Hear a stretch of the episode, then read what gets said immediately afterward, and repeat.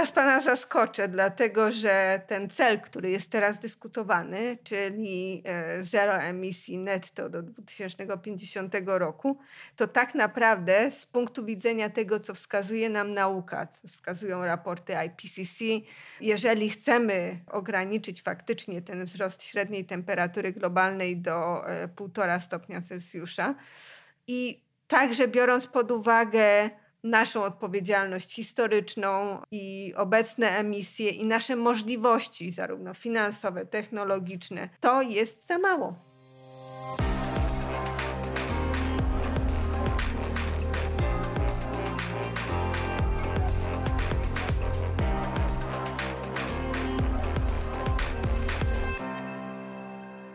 Zielony Podcast Krzysiek Grzyman. Dzień dobry.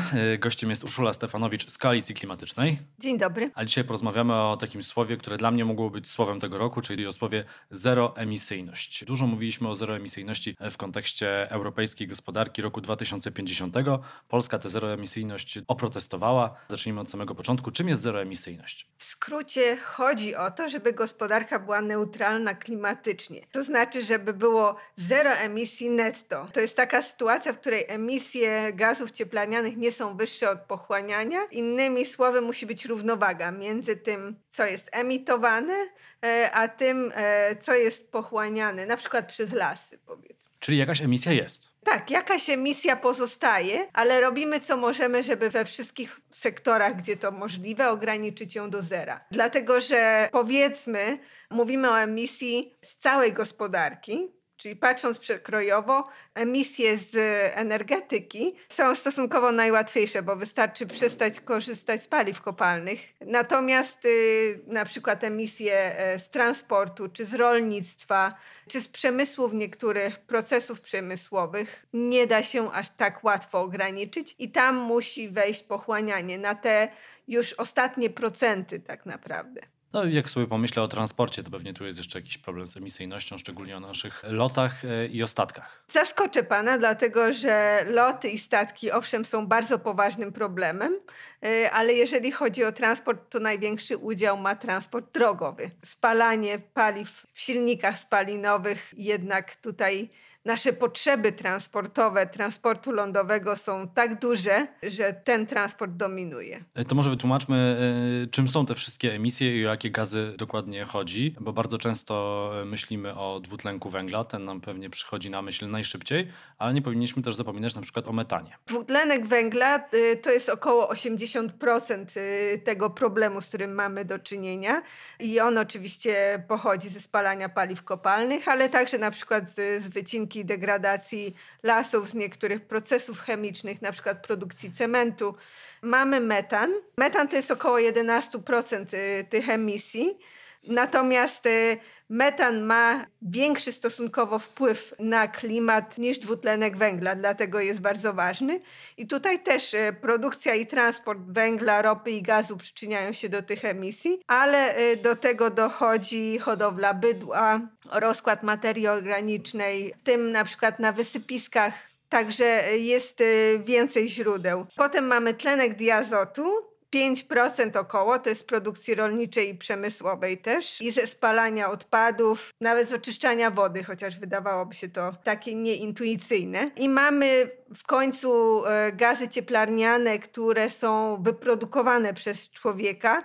Wodorofluorowęglowodory. O, zaczyna się robić tak, ciekawie. W skrócie HFC i one pochodzą z procesów przemysłowych. To są y, też te gazy, którymi zastąpiliśmy freony, które niszczyły warstwę ozonową. E, wtedy nam się wydawało, Czyli że... walczyliśmy z jednym złem i stworzyliśmy inne zło. No tak czasami niestety bywa, e, ale musimy się uczyć na błędach, prawda? I teraz te zastępować innymi z kolei, bo one mają bardzo wysoki wpływ na klimat. To przejdźmy teraz, skoro już nakreśliliśmy i, i, znamy pewien słownik, teraz przejdźmy do tych celów Unii Europejskiej, celów klimatycznych i celu zeroemisyjności. To jest naprawdę takie net, net, net, 000, rok 2050? Docelowo tak i Nie ma tam żadnych sobie... gwiazdek, kruczków e, ani przypisów. No, przypuszczam, że e, politycy bardzo chcą dodać tam gwiazdki, kruczki i przypisy i prawdopodobnie w międzyczasie dodadzą, ale co się zmieniło przez te ostatnie lata? No mamy coraz bardziej alarmujące e, analizy, raporty naukowe. No, raport IPCC najczęściej Raport IPCC, a właściwie raporty w liczbie mnogiej, bo e, w tym roku też były dwa specjalne raporty dotyczące terenów lądowych, a także dotyczące e, oceanów i kriosfery, czyli lodowce, lądolody. I Tutaj to są bardzo już alarmujące e, wiadomości. Po prostu te raporty nam mówią, że jeżeli nie zaczniemy działać teraz, e, to nie będziemy mieli szans na zabezpieczenie swojej przyszłości. E, wzrost y, emisji i wzrost y, średniej temperatury globalnej są ze sobą tak powiązane y, też z pewnym opóźnieniem, więc te emisje, które już wyemitowaliśmy, one będą przez jakiś czas jeszcze na klimat y, wpływały, e, a w tej chwili e, cele, które kraje zgłosiły do porozumienia paryskiego, one dają nam wzrost średniej temperatury globalnej 3,2 stopnia Celsjusza. To jest daleko, daleko poza tą granicą bezpieczeństwa która najpierw mówiło się, że to są dwa stopnie, ale właśnie ubiegłoroczny raport IPCC pokazał, że to jest jednak półtora stopnia, bo e, między półtora a dwa stopnie jest jeszcze jest bardzo wiele zagrożeń, które będą narastać. I są też, e, o czym rzadko się mówi, co się rzadko podkreśla, narastające takie elementy ryzyka e, nastąpienia sprzężeń zwrotnych po których e, ta zmiana klimatu będzie coraz bardziej przyspieszać już poza naszą kontrolą. Dlatego, że jeżeli chcemy uniknąć tych sprzężeń zwrotnych, przynajmniej ograniczyć ryzyko ich wystąpienia, powinniśmy zatrzymywać emisję najszybciej, jak to się da. To jest niesamowite, że mamy tyle raportów i tyle badań, ale że wielu osobom często jest trudno w to uwierzyć i pewnie gdybyśmy o tym temacie mówili jakieś 10 czy 15 lat, dopiero wtedy on by się przebił e, do e, szerokiej świadomości. No, myślę, że gdybyśmy teraz wyszli tutaj na ulicę i zaczęli pytać osoby, co wiedzą o globalnym ociepleniu, jak duży to jest problem i jak szybko trzeba działać, każdy odpowie, że wie, że słyszał i że trzeba działać, ale pewnie mało kto sobie zdaje sprawę z tego, jak szybko trzeba to robić. Myślę, że ironia tkwi w tym, że my już mówimy o tym 20-30 lat. Naprawdę? E, proszę spojrzeć, który mamy te, teraz szczyt klimatyczny. 25. To jest już 25 lat procesu międzynarodowego, a mówienie o tym zaczęło się jeszcze wcześniej. I musimy też pamiętać, że być może łatwiej jest nam zrozumieć problem smogu, szczególnie jak jest tak zły, że czujemy go mm -hmm. wdychając powietrze i niemal widzimy go w tym powietrzu, e, chociaż nie do końca. E, no, można powiedzieć, że prawie namacalny. Prawie namacalny, tak. Natomiast y, zmiana klimatu była długo czymś dla nas nienamacalnym, dlatego że pierwsze widoczne skutki były widoczne gdzieś indziej, zazwyczaj gdzieś daleko. Natomiast w tej chwili ta rzeczywistość niestety już nas dogania, już te skutki są widoczne, także w Europie, także w Polsce, także w Warszawie.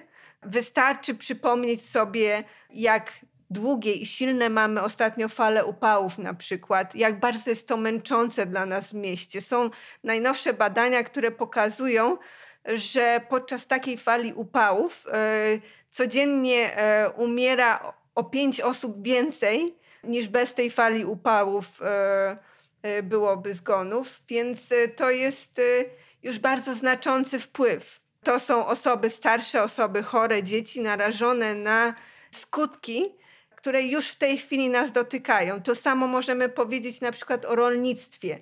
E, rolnictwo w tej chwili już kolejny rok e, walczy e, z suszami i z negatywnym wpływem na plony. To się przekłada na ceny żywności. Także w tej chwili już ta rzeczywistość nas dogania, ale nadal nie jest to pewnie łatwe dla wielu ludzi do zaakceptowania, bo to jest takie, takie złożone procesy. Żeby zrozumieć powiązania pomiędzy tym, co spalamy w piecu, albo co elektrownia spala, żeby produkować nam prąd, e, albo co spalamy w silnikach naszych samochodów, a tym, w jaki sposób zmieniają się zjawiska pogodowe, w jaki sposób zmienia się klimat, w jaki sposób zmieniają się też ekosystemy pod wpływem tego w Polsce, jak pojawiają się nowe choroby. To jest dość skomplikowane. Ja się nie dziwię, że ludziom trudno to zaakceptować. Niemniej już widząc te zjawiska wokół siebie, zauważają, musimy pomóc im łączyć te elementy e, i pomóc im zrozumieć, że wszystko jest e, powiązane. A myślę, że dużym problemem w Polsce jest to, że w naszym kraju wszystko jest polityczne tak naprawdę, e, więc tak jak orientacja seksualna chyba już na całym zachodnim świecie jest rzeczą normalną, że one są różne, to w Polsce jednak jest to uznawane za chorobę albo za wymysły. Tak samo mamy z kryzysem klimatycznym, gdy zaczniemy oglądać czy słuchać prawicowych mediów, bo tam to najczęściej niestety jest kwestionowane, no to usłyszymy, że są to jakieś wymysły i tak naprawdę to nic się nie dzieje, a że kiedyś się mówiło o dziurze ozonowej, a dziury ozonowej już dzisiaj nie ma, czyli pewnie zmiana klimatu i ocieplenie klimatu też są zupełnie wymyślone. No niestety samo to nie przejdzie, ale faktycznie mamy ten problem komunikacyjny i problem z polityką. Nie wiadomo dlaczego utkwiliśmy na tym etapie walki o nasz węgiel, e, nie rozumiejąc, że po pierwsze to jest kwestia i dużo szersza, i po drugie, e, na kwestię węgla i, wykorzystania węgla do celów energetycznych nakładają się jeszcze inne problemy, e, których też nie można ignorować coraz trudniejsze wydobycie e, w kopalniach węgla kamiennego, coraz głębiej, coraz bardziej niebezpiecznie. I coraz drożej. Coraz drożej. Wszyscy to wiemy, tylko po prostu wolimy chować głowę w piasek. Ale to jest też nie do końca uczciwe, nawet wobec górników, e, dlatego że trzeba szczerze z ludźmi rozmawiać, trzeba im przedstawiać fakty i trzeba wspólnie z nimi planować zmiany tak, żeby byli jak najmniej tym dotknięci, ale musimy też pamiętać, że sprawiedliwa transformacja to jest e, e, transformacja sprawiedliwa nie tylko dla wybranych grup zawodowych, dla nich także, ale także dla wszystkich pozostałych, także dla wszystkich mieszkańców e, regionów górniczych, którzy doświadczają też innych problemów związanych z wydobyciem także dla e, wszystkich ludzi, którzy są narażeni na e, skutki zmiany klimatu i którzy z powodu braku działań ich, ich życie będzie narażone, ich zdrowie e, ucierpi. Tak samo jak ze smogiem, prawda? Jeżeli kiedyś uważaliśmy, że to, co kto spala w piecu, to jest jego sprawa, ale w tej chwili podchodzimy do tego inaczej i mówimy, że jeżeli sąsiad spala coś y, niewłaściwego w piecu, to on nas truje. Tak samo jakby e, truciznę wrzucił do studni, prawda? E, to inaczej po prostu zaczynamy rozumieć te procesy e, i tak samo powinniśmy podchodzić do kwestii klimatycznych. To teraz przejdźmy do pytania, które rzeczywiście może, no ono może budzić pewne e, kontrowersje. Jak ta europejska polityka klimatyczna zeroemisyjna do 2050 roku wpisuje się w działania całego świata? Czy Europa nie chce być zbyt, to nie mój argument, ale często się go słyszy, zbyt hop do przodu i nie jest zbyt ambitna i to my za to wszystko zapłacimy, podczas gdy cały świat będzie dalej emitował i de facto my też będziemy dalej emitować, tylko właśnie poza Europą. Teraz pana zaskoczę, dlatego że ten cel, który jest teraz dyskutowany, czyli e, zero emisji netto do 2050 roku, to tak naprawdę z punktu widzenia tego, co wskazuje nam nauka, co wskazują raporty IPCC, jeżeli chcemy ograniczyć faktycznie ten wzrost średniej temperatury globalnej do 1,5 e, stopnia Celsjusza i także biorąc pod uwagę naszą odpowiedzialność historyczną i obecne emisje i nasze możliwości, zarówno finansowe, technologiczne, to jest za mało. Tak naprawdę Europa powinna e, do 2030 roku zredukować 65% e, emisje, a do 2040 e, osiągnąć neutralność klimatyczną. Jeżeli mówimy o neutralności klimatycznej 2050 na całym świecie, to my też powinniśmy pomóc krajom rozwijającym się, tym najsłabiej rozwiniętym, w osiągnięciu tego do 2050 roku, a my jako kraj rozwinięty i jako region rozwinięty powinniśmy osiągnąć to wcześniej. Oczywiście ta solidarność, y, która w skali globalnej jakby wygląda zupełnie inaczej, bo w skali globalnej Polska, Europa należy do najbogatszych, powinna też obowiązywać na poziomie europejskim. Czyli bogatsze kraje Europy powinny wspierać te, które mają trudniejsze wyzwania albo mniej środków. Natomiast to po prostu trzeba zrobić. Trzeba zrobić nie tylko dlatego, że to, nie jest kwestia abstrakcyjna. E, to nie jest kwestia tego, że sprawiedliwość globalna tego wymaga, e, chociaż e, można powiedzieć, że jest to też kwestia etyczna i odpowiedzialności, ale to także kwestia tego, że jeżeli sytuacja się tak bardzo pogorszy, jeżeli będziemy mieli wzrosty tej średniej temperatury globalnej o 3 stopnie, i na przykład spora część Afryki będzie już niezdatna do zamieszkania, to ci ludzie będą musieli gdzieś pójść. I wtedy rozpoczną się migracje. Wtedy rozpoczną się migracje, chociaż już z nimi mamy do czynienia. Ale na wielką skalę.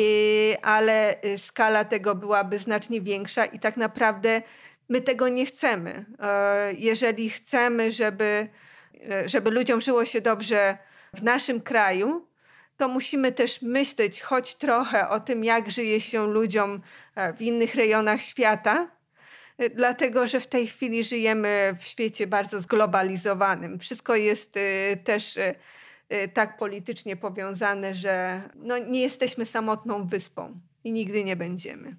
Ale gdy myślimy sobie o y, tym, że niektórym krajom na innych kontynentach będzie trudniej dojść do neutralności klimatycznej, to zaczynamy myśleć e, automatycznie e, albo o Indiach, e, albo o Chinach, tam gdzie emisje węglowe są duże i transport y, też swoje dokłada.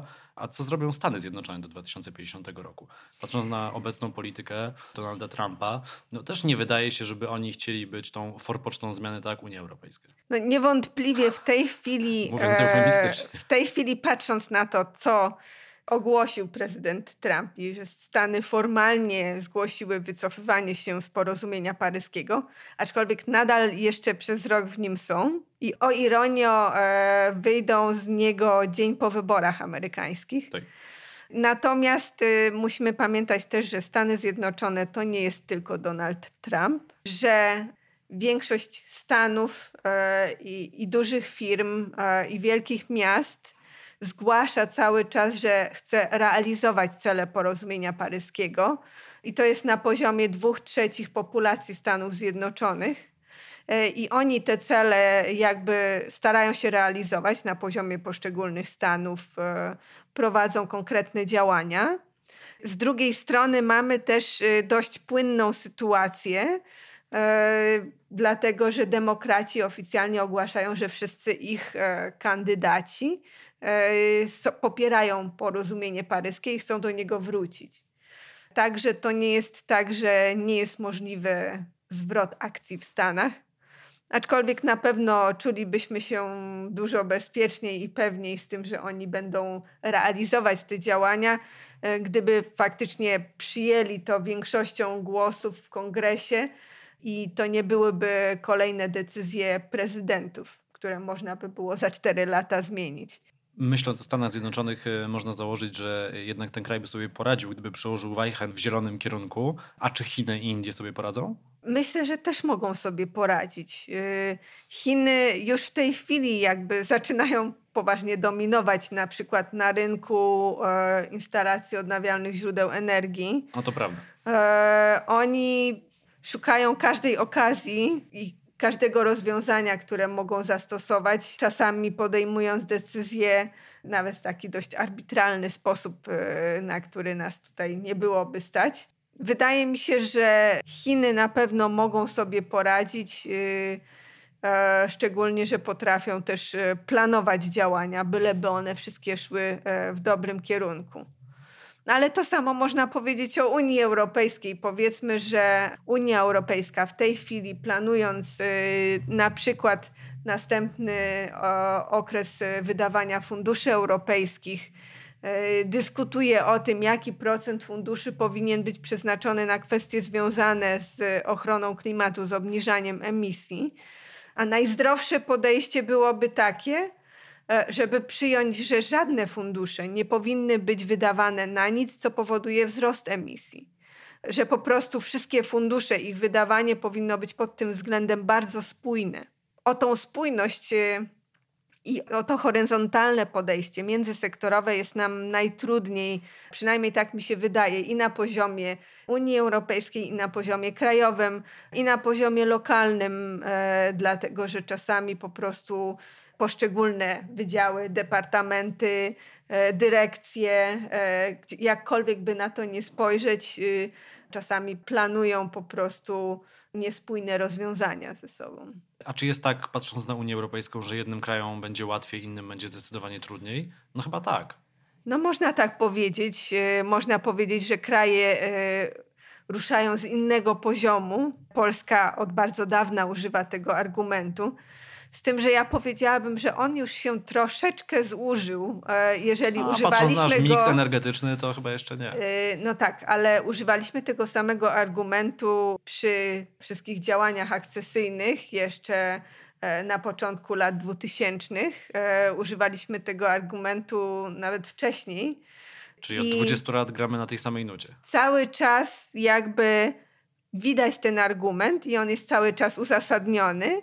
E, tyle, że cały czas bardzo mało robimy, żeby to zmienić. Jak wyglądały w naszym kraju kolejne polityki energetyczne, to bardzo długa historia, można by dyskutować, ale one wyglądały często trochę jak koncert życzeń i były mocno oderwane od rzeczywistości. Polska bardzo długo nie przyjmowała do wiadomości, kolejne polskie rządy nie przyjmowały do wiadomości tego, że ten kierunek już się nie zmieni wszystkim się wydawało, że no, może nie wszystkim, ale przynajmniej oficjalnie tak mówili, żeby się nie narażać grupom wyborców, którzy nie chcieli o tym słuchać, to mówili, e, że Unia na pewno zmieni zdanie, że za 4 lata albo za 2 lata to się okaże, że wcale nie musimy ograniczać emisji, że możemy sobie spokojnie dalej e, węgiel spalać. Często nadal słyszymy te argumenty, pojawiają się nawet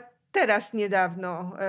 Yy, nie pamiętam już, który polityk skrajnej prawicy. No, domyślam się, że to mógł być na przykład tak. Jacek Sasin, ale, e, ale jest też minister Jadwiga Emilewicz, minister rozwoju, która mówiła dosłownie w tym tygodniu, że gospodarka w Polsce musi się zazielenić. Gospodarka w Polsce musi się zazielenić nie tylko dlatego, że musimy ograniczać emisje, ale także dlatego, że takie są kierunki rozwoju europejskiego i światowego jeżeli chcemy, żeby nasza gospodarka była konkurencyjna, jeżeli chcemy, żeby nasi obywatele byli zdrowi, to musimy po prostu iść w tym kierunku i nie ma przebacz.